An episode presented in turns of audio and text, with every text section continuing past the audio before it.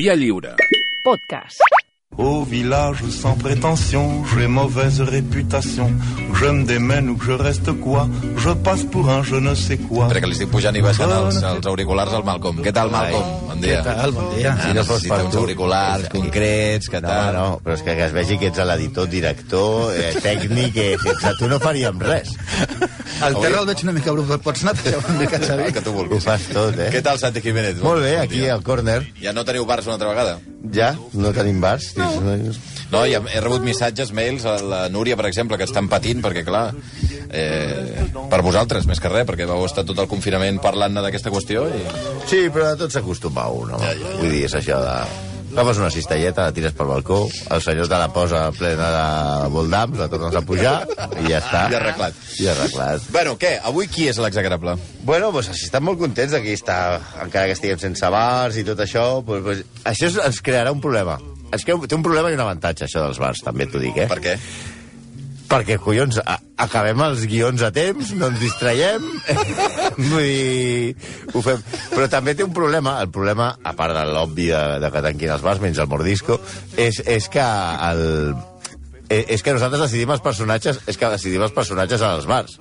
Ah! O sigui, oh! per ah, tant, ara mm, ara és un problema. entrarem en un bloqueig, el bloqueig de l'artista, el famós... La fulla en blanc. La fulla, el, fulla, el sí de la fulla en blanc.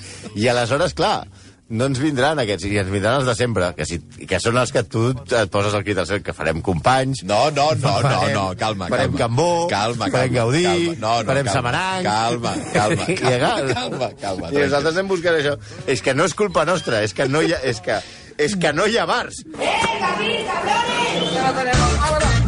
Com ho ha dit, Abril Cabrones? Ole!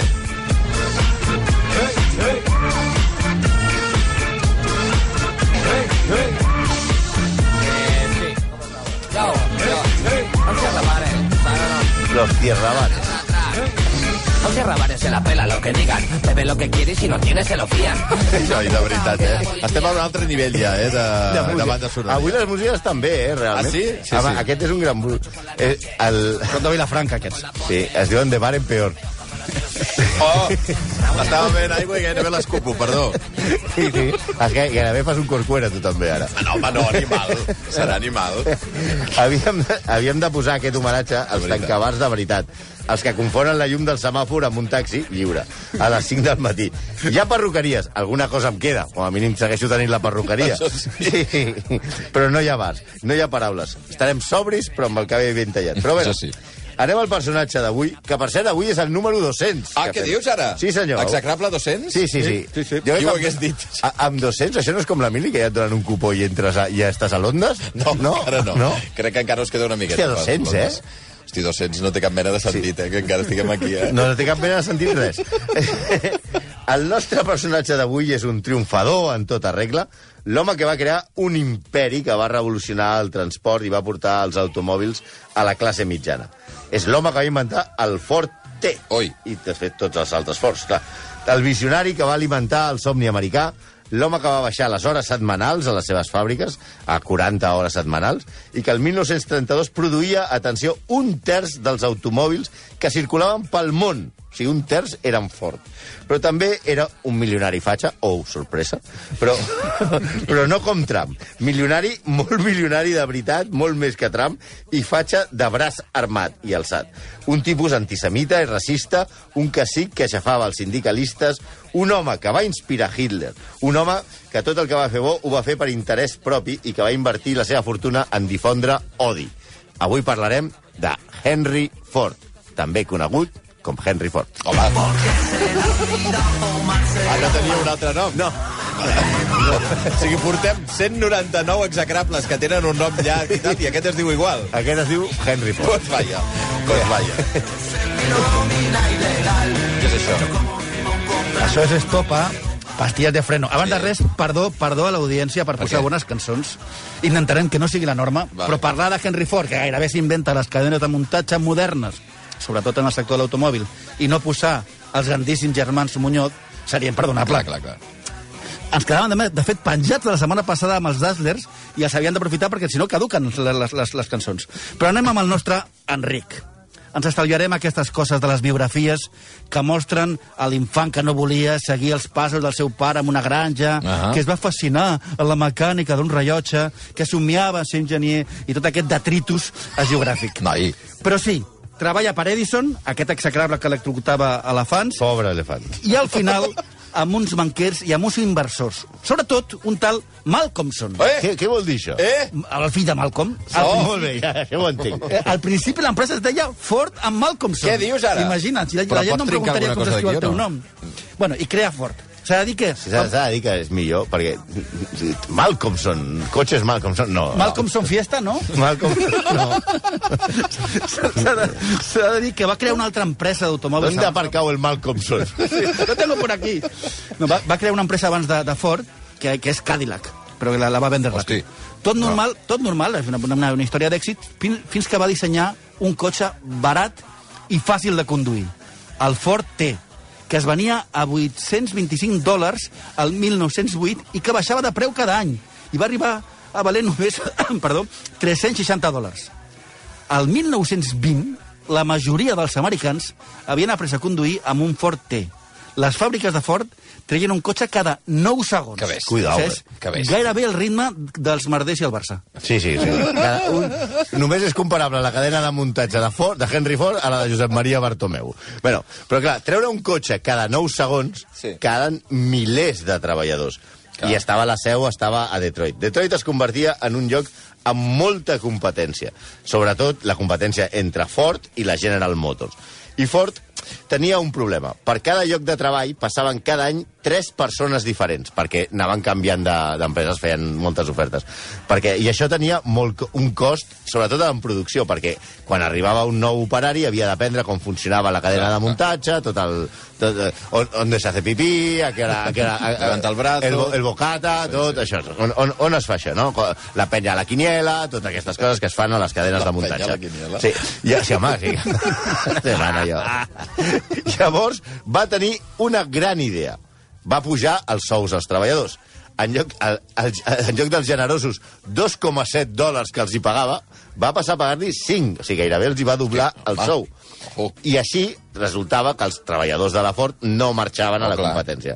Però també hi havia una altra motivació. Es va donar que els seus treballadors no podien, amb la merda que els hi pagava, comprar el cotxe que produïen. I ella aleshores va dir, hòstia, jo estic fent cotxes només per gent rica, i per fer-me milion més milionari necessito que els meus treballadors, seria un termòmetre, puguin comprar Clar, clar, clar. els cotxes que jo coneixo. I pujant aquest salari, gairebé totes les famílies que treballaven a Ford van acabar comprant-se un Ford. O sigui que els diners que els hi pagava acaben tornant Acabaven en forma tornant, de, la compra del cotxe. Pensem que tenien 100.000 treballadors ja en aquell moment. Eh? bèstia. Clar, una mica com el... La, la, la història dels 600 que es va produir aquí als anys 60, doncs una mica era amb el Forte, però als anys 20. També es va donar que el rendiment físic, perquè les feines de muntar cotxes, ara ara és això de com el, els anuncis aquests del Xara Picasso, que tot ho posa una maquineta. màquina. Però no, abans el paraxocs el posava un senyor agafant el paraxocs. I pam. I el volant també, i totes aquestes coses. Eren feines molt físiques. I baixava el rendiment segons passaven les setmanes. Home, clar, els devia fer mal tota aquella pobra gent. Llavors va decidir que treballarien només 8 hores, 5 dies a la setmana. Es va imposar la jornada dels 40 hores setmanals. I la productivitat què va passar? Va pujar. Sí, quan, quan més descanses, com, com Dembélé, quan més descanses, millor jugues. Va establir bones mesures que han passat a la història, no? Per tant, tots pensarem, quin bon jefe que era el senyor Enrique. Hombre. Però, però tenia com a fonament totes aquestes mesures, no les feia pensant en el treballador, ho feia pensant en la seva productivitat. Però seu- mira. Bueno, Sí, mira, també Ford els, eh, els donava unes poques accions o opcions quan portaven sis mesos a l'empresa. Per això sí, abans d'això crea el Social Department, que tenia 50 investigadors que veien si els ja treballadors es comença a complien, complicar la cosa, eh? complíem amb el codi moral de Ford. Què vol dir? A la seva vida. Vull dir, que si no jugaves, no bevies molt, Oh. la teva família rebia bona part del teu salari, llavors sí tenies dret a les accions. O sigui, una policia de fàbrica. Oh. Exacte, però la teva vida personal. Avui seria el típic que entraria al teu correu personal i al teu ordenador per veure si entraves en una casa d'apostes a Betwin o a Casino 888 no sé què. Mm. Vale, eh, aleshores estareu pensant, home, no hi ha per tant. Sí, eh, tots hem tingut caps pitjors que el senyor el Ford, senyor no? Ford. Evidentment. Pues sí. Però espera que ara arribarà la part dura. Una de les, de les obsessions, la més... Bueno, no la més, la segona més forta obsessió de Ford era els sindicats. Ui. Per ell eren el dimoni. A més, dels, i sobretot els comunistes i els jueus, que és la gran obsessió que tenia, com veurem després. La, la seva gran obsessió eren els labor unions. I era un odi que eh, no només era un odi intel·lectual, sinó que el va portar a la pràctica. Tampoc li agradaven els sindicats que va contractar a Harry Bennett. Qui era Harry Bennett? Un exboxejador de l'exèrcit com a cap del Service Department, aquest, aquesta mena de policia de fàbrica. I va posar en aquest senyor que es deia Harry Bennett. Bennett no sabia res de cotxes. Era un home d'acció. O sigui, un tio que podia haver format part del repartiment de los mercenarios, tranquil·lament. O sigui, eh, eh, feia pràctiques de tir amb el seu Colt 45 dins de l'oficina, per exemple, no? perdó. Bennett va contractar un veritable exèrcit de jugadors de futbol americà, boxejadors i lluitadors de lluita lliure i bandes criminals com a empleats pel Social Department. La seva missió no era una altra que impedir que els sindiquessin els treballadors. Què podia sortir malament? Desoc- Desocupa.com era una broma al costat de, de que tenien aquests senyors. Sí, per una, com a exemple, el 7 de març de l'any 32, durant la Gran Depressió, els treballadors desocupats de Detroit van organitzar la, es diu la Marxa de la Fam de Ford, en el complex Ford River, que presentar 14 demandes a Henry Ford. El Departament de Policia de Dearborn i els homes de Bennett van obrir foc contra els treballadors, el que va provocar més de 60 ferits i 5 morts. Està demostrat que el mateix Bennett va disparar contra els manifestants. Però això no és tot, eh? Sí, mira, a, a mitjans dels anys 30, Ford va iniciar la campanya Speed Up, que consistia en accelerar cada vegada més per objectius. Això que et diuen ara, els de SAD diuen per objectius. Vale? Vale, vale, aleshores, vale. cada dia fem una miqueta més, anem a fer uh -huh. més ràpid les línies de producció, i els treballadors, que estaven molt cremats i cada vegada, enmig de la Gran Depressió, i cada vegada més convençuts que havien de sindicar-se i unir-se per plantar cara a aquests abusos del seu cap. El 26 de maig de 1937, els homes de seguretat de Bennett van apallissar els membres de la United Automobile Workers, que havia planejat una campanya de, de, de, de díptics titulada Unionisme no fordisme. Pels de l'ESO, unionisme no vol dir ciutadans, vol dir sindicalisme. Abans, la paraula unionisme era una, Era una cosa altra bona. cosa. Era una cosa bona. Entre els colpejats amb pals estava el famós activista pels drets humans Walter Reuter. Els homes de Bennett van colpejar els representants del sindicat i el cap de policia, Carl Brooks, que havia treballat abans de ser policia a les ordres de Bennett, no va fer res. Va dir, passen, passen, que aquí no passa nada. A l'endemà, les fotografies dels ferits van aparèixer als diaris, però no va passar res. Quan diem colpejats, no és allò soument. Per exemple, el mateix Reuter explica, obro cometes, el que li van fer. Set vegades em van aixecar del ciment i em van estavellar contra ell. Em van immobilitzar els braços, em van donar cops de puny i puntades de peu i em van arrossegar de peus fins a l'escala. Em van llançar pel primer tram de graons. Em van recollir. Mira, que bé. Em van tornar a llançar... Ah, ja no està tan bé. Contra... Em van estavellar contra la plataforma i em van donar puntades a la cara. Al terra em van colpejar amb pals. Richard Mayweather, un altre dels manifestants, va patir una fractura a l'esquena com a resultat de la pallissa que va rebre i mai més va tornar a caminar. No sabem si després els pinxos aquests van ser condecorats pel Ministeri o per la Generalitat, però el cas és que es donaven unes hòsties com a pans. Sí, quan, quan Ford es va retirar, el seu fill va intentar acabar amb tot això i arribar a un acord per fer un conveni col·lectiu amb els treballadors bé, això. forçat per les lleis laborals. Però Henry Ford, encara que estava retirat, tenia un dret a veto i ho va impedir. I va dir les declaracions a la premsa de abans tanco que cooperar. T'agrada, eh? Oh! És que... S'està posant tendre el Xavi, ja ho veig, eh? Un besito. Els, els, els Scorpions. Clar, per què posem Scorpion? Perquè no podíem parlar, deixar de parlar dels noms dels models de Ford. Perquè a més del Ford Ah! Scorpio... Hosti, de veritat, jo pensava que era Winds of Change, perquè que la cosa anava evolucionant. No, Ford No. Scorpio, tenim el Ford Scorpions, va. Puma, el Ford Mustang, el Ford Mondeo, que ningú entén què vol dir, però els millors, a part del Ford Fiesta, són el Ford Escort Hombre. i el Ford Cougar, que semblen trets de categories de YouPorn. Noi! Sí, home. Escolta'm. Després, Fes el favor. després del Fiesta, l'Escort i el Cougar, el...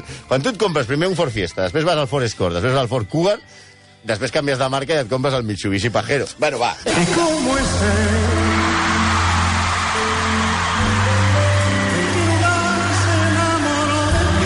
I això? Perquè anem al Henry Ford persona, ah, no a l'empresari. I com, i com, com és és? Henry Com Ford? és? I com és Henry Ford? Val. Doncs, eh, en el alt de la seva Esteu, carrera... esteu grillats, eh? Bueno, són 200 ja, eh? Són 200, són 200. Imagina't. En el més alt de la seva carrera, Ford es va convertir en una mena de magnat dels mitjans, creant eh, Dearborn Publishing and Company i comprant a l'adormit setmanari Dearborn Independent, que sota les ordres de Ford es va fer famós pels seus atacs sense precedents contra els jueus. Henry Ford va ordenar que no s'utilitzés eh, l'Independent per donar-li publicitat a ell, amb ell, a ell ni a l'empresa, però va obligar els seus concessionaris a realitzar campanyes de subscripció. Els concessionaris posaven una còpia de l'Independent en els models T que acabaven de vendre. Mira, ara- et posaven l'ambientador de Pino i allà et donaven, El diari. I allà et donaven un exemplar de l'Independent. Però, però alerta que, que, que aquest diari antijueu va arribar a tenir 5 nora- 900.000 diaris de circulació. Buah.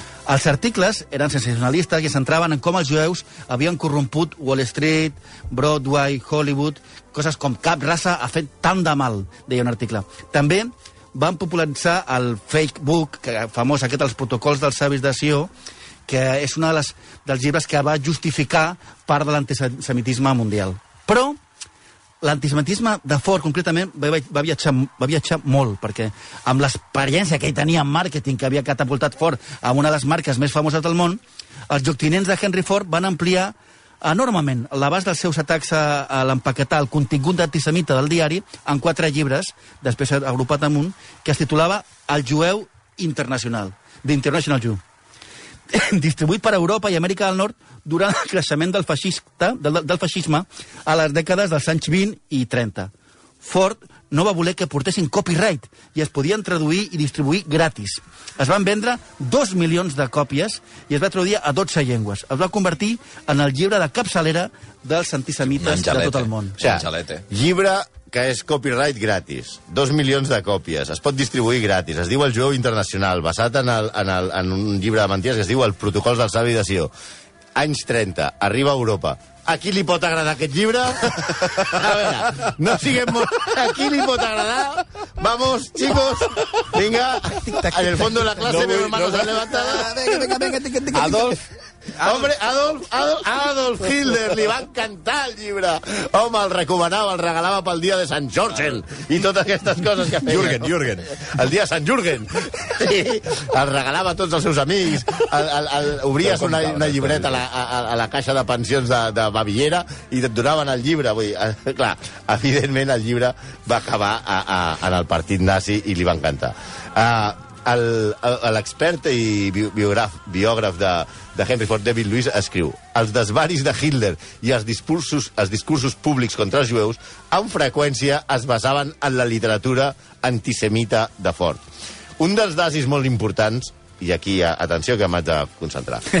Baldur von Seirach Reichsjugendführer, Ah, bé, bé. això m'ha posat perquè jo l'altre dia li vaig posar tots els noms alemanys aquests. He Eh? buscat un nom complicat, eh? Aquest senyor, Baldur, Valdiri, va ser, boi, li direm tranquil·lament, va ser el líder de les joventuts hitlerianes eh, en la dècada dels 30.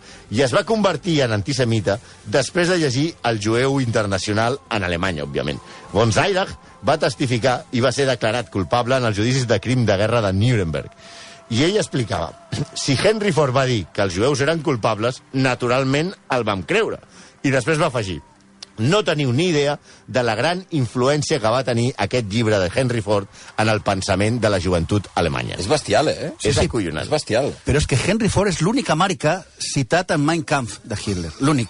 L'única la Sí. cita. Sí, sí, l'únic americà que està citat. Perquè Trump no havia nascut No, encara. no, no, deixa, deixa. Després d'afirmar que els jueus estaven exercint cada vegada més control sobre la mà d'obra nord-americana, Hitler va escriure un gran home, fort, per la seva exasper- exasperació, s'entén que dels jueus, encara es manté independent. Molts experts en Hitler han notat que la literatura de Ford va influir en els escrits de Hitler a Mein Kampf. Llegir El Jueu Internacional, que es va convertir en un èxit a Alemanya, després de ser publicat en alemany a l'any 22, va ajudar a empènyer Hitler més cap al antisemitisme conspiratiu. Això ho va escriure Thomas Weber al llibre Convertint-se en Hitler, la creació d'un nazi. Sembla un llibre d'autoajuda amb brutal. subtítol com Consiga su holocausto perfecto en solo seis semanas. A l'estiu de 1938, quan la Wehrmacht va a Alemanya havia entrat a Àustria, Ford va... Ja, o sigui, havia començat la guerra, eh? Sí, sí, home, any 38. Sí, sí, sí. O sigui, estava, estava, estava a punt. estava a punt, però la, ja era l'annexió d'Àustria, No, no, després vindria Hitler la ja Polònia... feia rato que estava al poder, diguem-ne. Sí, sí, exacte. Ford va acceptar... O sigui, que ja sabien de quin pal anava Sí, una Hitler. mica sí, no una era mica jo de... sí. No me lo imaginava si sempre saludava, no. Va acceptar... Tant que saludava. Va acceptar, Demanant un taxi. sí, va acceptar un regal pel de 75, el seu 75 aniversari de part de Hitler. Va ser la Gran Creu de l'Ordre Suprema de l'Àliga Alemanya, el premi més alt que el règim nazi podia otorgar a un estranger. La Creu Daurada de Malta, eh, envoltada per quatre esbàstiques petitones, que va ser lliurada a Ford a les oficines de la Ford Motor a Devon. O sigui, van anar allà a donar-li la, a donar les, les esbastiquetes. govern aquestes. nazi van mira anar quines físicament- mira quines esbastiquetes més mones t'hem fet. Per Fritz Haller, el vicecònsol alemany a Detroit. Però Et ve, molt, et ve molt de gust pensar que els grans oficials nazis parlaven amb veu tan fina, no? Mira quines esbastiquetes més mones hem fet.